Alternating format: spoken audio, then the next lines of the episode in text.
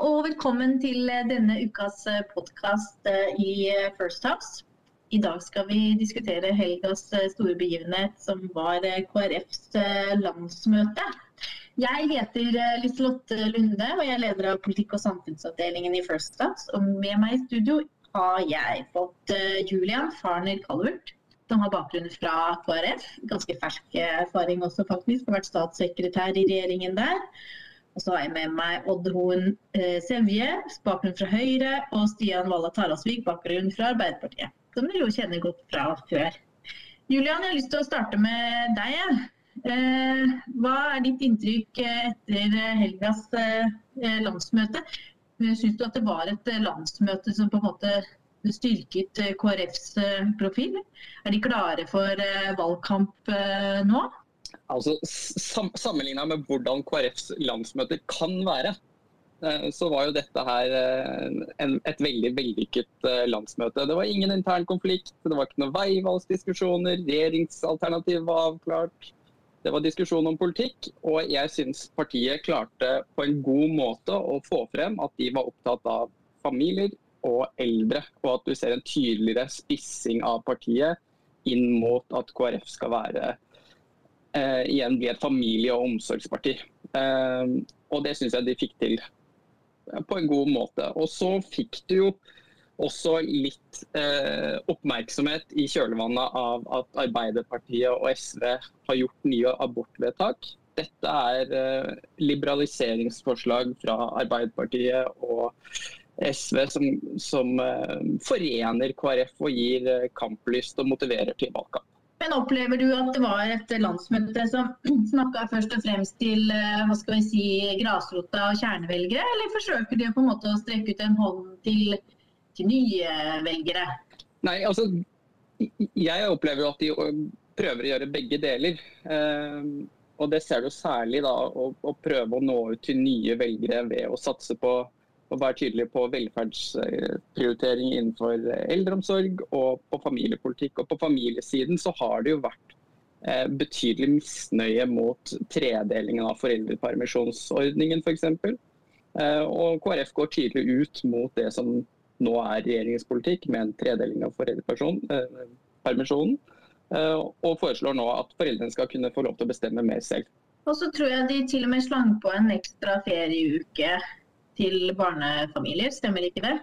Det stemmer. Og så var det en makspris på hvor mye familier skal kunne betale for eh, SFO og barnehage totalt sett. Og jeg tror til og med det var gratis barnehage for barn nummer tre. Og Det er jo litt interessant, fordi vi eh, har jo siste året stått i en diskusjon eh, knytta til hvorfor går fødselstallene ned der i landet. Hvorfor får ikke flere folk barn nummer tre? Eh, vi, vi, er jo på vei ut av en pandemi hvor veldig mange har vært mer hjemme og, og brukt mer tid sammen med barna. Og faktisk peker på at det på en måte er en positiv effekt av pandemien. Og man lurer litt sånn på hvordan skal man skru sammen livet etter pandemien. Det jeg lurer litt på om kanskje disse sakene her kan gjøre at KrF treffer en eller annen aktualitet da i samfunnet som folk kjenner seg igjen i. Jeg vet ikke, Odd, Er du enig i det, eller? Kanskje. Men uh, jeg, vet, altså jeg, vet ikke helt om jeg er enig med Julian i at de klarte å komme altså De brakte jo ikke noe nytt til torgs. Altså Kanskje blankpussa de profilen sin litt som eh, familieparti, men de er jo familieparti nummer én allerede. Hvis, du, hvis det er det som avgjør partivalget ditt, så er sannsynligheten for at du velger KrF allerede ganske høy. Eh, jeg, altså Fra mitt eget ståsted så klarer jeg i hvert fall ikke å se at de kom opp med noen nye grep som løser noen problemer som det, et, liksom et bredt flertall av befolkningen opplever at de har. Sorry. Jeg skal legge til der, Liselotte, det er jo KrF i et nøtteskall. De foreslo jo en del stønadsordninger for folk uh, som kan holde folk hjemme, uh, selv når det ikke er korona. Nå har mange sittet hjemme med barn og med hjemmeskole og hjemmebarnehage og det ene og det andre. Jeg vet ikke om folk har fått mer sans for uh, hva skal jeg si, en kontantstøtteordning. Store deler av befolkninga har vært på kontantstøtte i lang tid nå i forbindelse med permittering og korona. så er det jo litt sånn som Odd sier, da, ikke sant? dette med hvor mange er det som har familiepolitikk? For familiepolitikk er jo for, for noen av oss betyr det veldig mange ting. Er det arbeidslivspolitikk, er det økonomisk politikk, er det skolepolitikk, er det eldreomsorg, helse, annen velferdspolitikk? Familiepolitikk er kanskje for bredt for et parti som KrF. Men du ser jo det, det kommer jo mye morsomt ut av det landsmøtet òg. Det er jo litt andre type løsninger som er interessante å se på. Dette med stønadsordning for å pusse opp hus, stønadsordning for å ta vare på syke foreldre. Jeg, eh, jeg tror nok de, de, vet hvem de sikter mot, eh, og hvem de skal treffe. Ja, altså, Det er jo også interessant, fordi KrF fikk jo eh, ganske mye kritikk av KrFU for at de bruker penger som fulle sjømenn. Kanskje ikke akkurat sånn, men det, det var ikke akkurat sånn at kalkulatoren var fremme eh, i helga. Og det er jo interessant å si Hvorfor er man ikke mer opptatt av hvordan pengene skal skapes? Altså hvorfor, hvordan Verdiskapingsspørsmålet her, det blir ikke særlig i stor grad diskutert, gjør det vel, Julian? Jeg tror det var diskusjoner knyttet til verdiskaping. og Jeg er jo ikke enig i den beskrivelsen at KrF ikke er opptatt av det og bruker, eller er et uansvarlig parti. KrF er et uh, ansvarlig parti. Det viser de i Stortinget, det viser de i regjering. Og så er det bare det at summen av alle gode forslag som skal vedtas på entusiasmen rundt gode forslag på landsmøtet, har en tendens til å ta litt overhånd.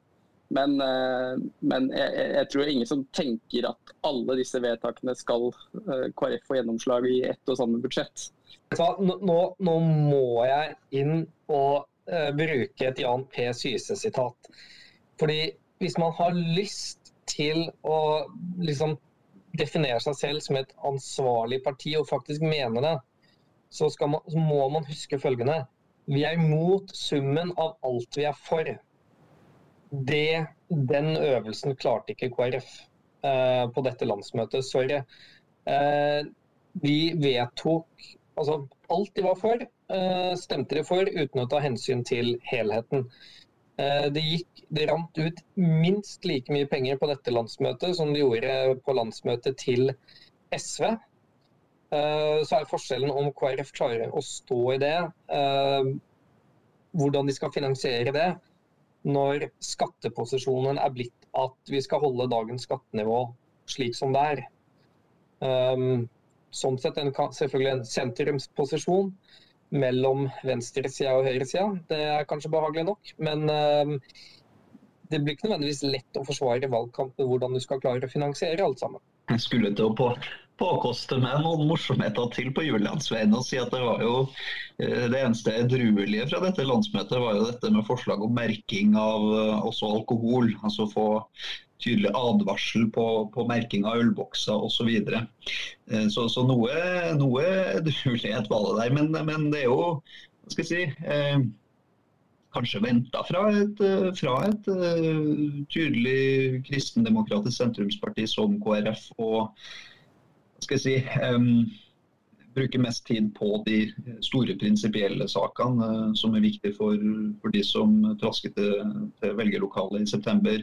Og mindre tid på ja, eksempelvis næringspolitikk, hvor de siste åtte årene har vært prega av et næringsdepartement styrt av henholdsvis uh, Høyre og, høyre og Venstre. Uh, så man, man har resignert her, Julia, men, men det er på en måte kjente formuleringer om sikre rammebetingelser. altså sånn, dette type formuleringer som kunne stått i ethvert partiprogram og som går igjen. Det er ikke der man velger å profilere seg. Eh, men så har man jo gjort en del eh, Jeg vet ikke om man har beveget seg så mye på olje, for KrF har vært et ganske sånn eh, ja, tydelig parti, vil jeg si, på, i olje- og gasspørsmål. Vært en viktig premissleverandør sammen med Venstre for å holde igjen litt på iveren fra, fra oljekåte Høyre og Frp i de siste åtte år. Eh, men, eh, men, man går ganske langt i å, i å si at eh, det nærmer seg en slutt. Nå tok man vel ut den konkrete formuleringa som nevnte at norsk olje- og gassvirksomhet nærmer seg en slutt, men, men, man signaliserer ganske tydelig at det er retninga KrF ønsker å, ønsker å gå i. Så det er interessant. Men Julian, var det noen vedtak som på en måte man var misfornøyd? Altså noen arbeidsuhell, eller var det noen vedtak som ledelsen fryktet i forkant? eller var det bare fryd og harmoni? Nei, altså det var kanskje et vedtak som, som ikke falt sånn i kjempegod jord eh, hos en del sentrale politikere i partiet. og Det, det var eh, det at man skulle stemme for eh, dette atomforbudet eh, i, eh, i, FN. Der engasjerte Kjell Magne Bondevik seg eh, og argumenterte mot det som lå som innstillingen fra sentralstyret, og fikk med seg landsmøtet på det. Og så tror jeg det de er fornøyd med å unngått, er jo veldig konkret samarbeidsvedtak fra landsmøtet som binder opp for mye.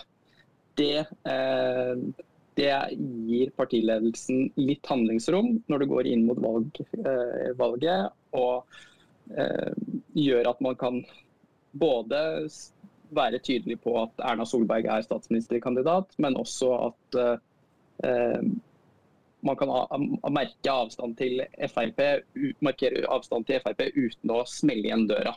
Men Opplever du nå at partiet på en måte er ferdig med den ikke i konflikten, med den diskusjonen som man hadde for var det to år siden om veivalget, om man skulle samarbeide med venstre eller høyresiden? Opplever du nå at man litt sånn som sammen med venstre, da, at man, man står på en måte trygt på borgerlig side? Jeg opplever jo først og fremst at partiet nå er opptatt av å kunne overleve eh, og, og, komme seg over sperregrensa. Det er jobb nummer én.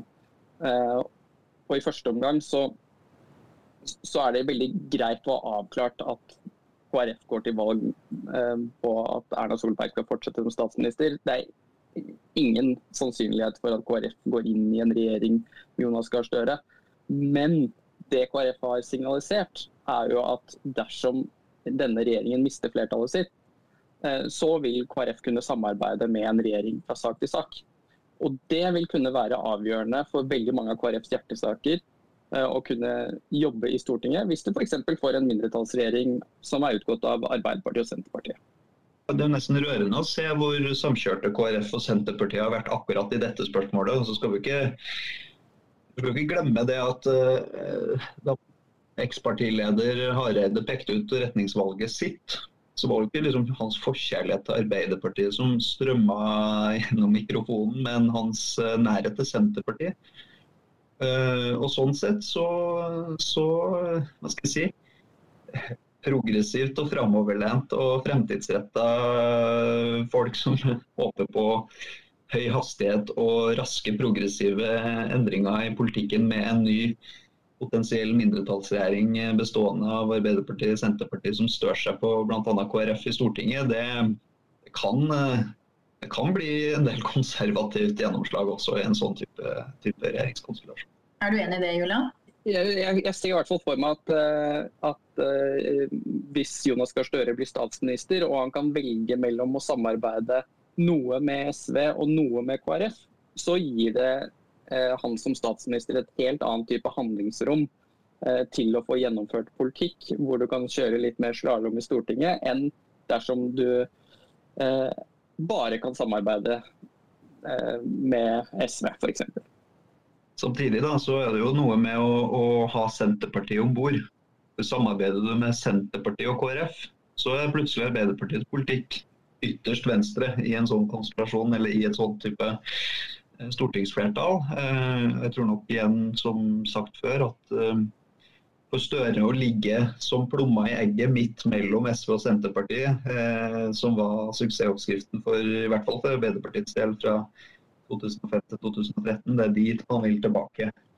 Jeg tror man er man er nok åpen for å, for å få bredest mulig flertall og få politikk som, eh, som, blir værende og som blir varig. Eh, men uh, skummel posisjon med et sterkt Senterparti å, lene seg for mye inn til sentrum også, med et uh, høyrøsta og, og, kanskje mannskapssterkt Rødt på vippen uh, på andre sida, eller SV uh, utafor en regjering.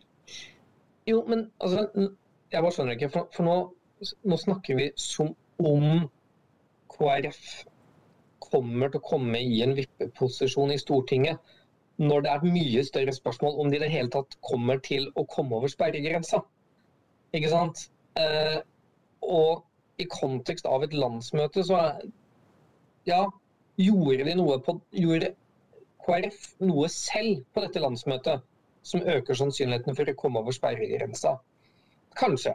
Men det var jo faktisk landsmøtene til Ap og SV som om noe har økt sannsynligheten for at KrF kan komme over sperregrensa.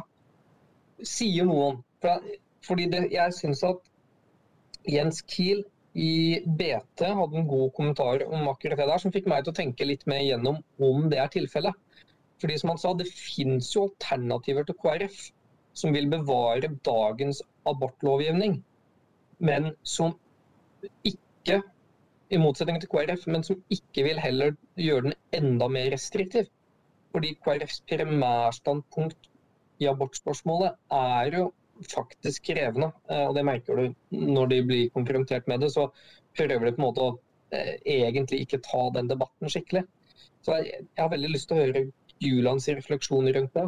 Hjalp, hjelper dette egentlig KrF? Eh, den abortdebatten vi helt sikkert kommer til å få i valgkampen. Det kan gjøre det. Det kan, det kan bidra til å mobilisere velgere rundt KrF. Og, og, og så må du huske på at liksom, målet til KrF er jo aldri å, å, å vinne halvparten av velgerne. Jo, nå handler jo målet om å bare klare sperregrensa. Eh, så det er jo snakk om å karre til seg noen ekstra tusen velgere her og der. Eh, og det at abortspørsmålet blir aktualisert, kan motivere en del tidligere velgere og gjerdesittere til å faktisk gå og stemme KrF. Eh, og det kan bidra. Men du kan også se for deg at KrF havner i en eller annen litt sånn underlig skvis, hvor de ikke klarer å være tydelige nok. Sånn at velgere heller går til partiet De kristne, som er eh, et enda mer konservativt eh, kristent parti. Eh, eller at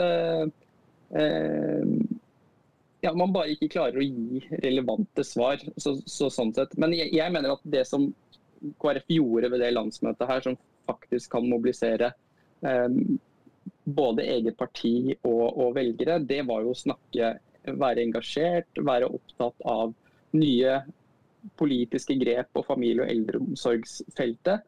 Eh, det å ha et politisk prosjekt å gå til valg på, eh, det er viktig. Og jeg klarer å se en kontur av en profil som partiet eh, faktisk kan gå ut og møte velgerne med. Uh, Istedenfor at landsmøter ofte kan også bidra til at uh, partier, partiene blir demotiverte, uh, og at man, man, nærmest skyter seg selv i foten. At man har interne opprivende maktkamper, eller at man har personkonflikter. Og ingenting av det var tilfellet. Det var god stemning, det ble vedtatt ny politikk, og jeg tror at det gir partiet et godt utgangspunkt til å møte velgerne nå til høsten. For en eh, fin oppsummering, Julian. Eh, det tror vi egentlig kan slå fast, i hvert fall er at de landsmøtene som vi har vært vitne til eh, så langt denne våren her, eh, tilsier at det faktisk har vært mest fokus på politikk. Og ikke så mye på organisatoriske konflikter eller veivalg og strategi og sånne ting. Og Det mener jeg egentlig er liksom styrke for den politiske diskusjonen. Så spørs det da om uh, dette landsmøtet uh, og denne profilmarkeringen til KrF er nok til å sørge for at de kommer over sperregrensen til høsten. Det er jo litt for tidlig å si. Da tror jeg det er på tide å runde av denne diskusjonen. Hvis du ikke allerede følger oss, så kan du gjøre det på din foretrukne podkastplattform. Takk for følget i dag. Vi, vi høres om ikke altfor lenge.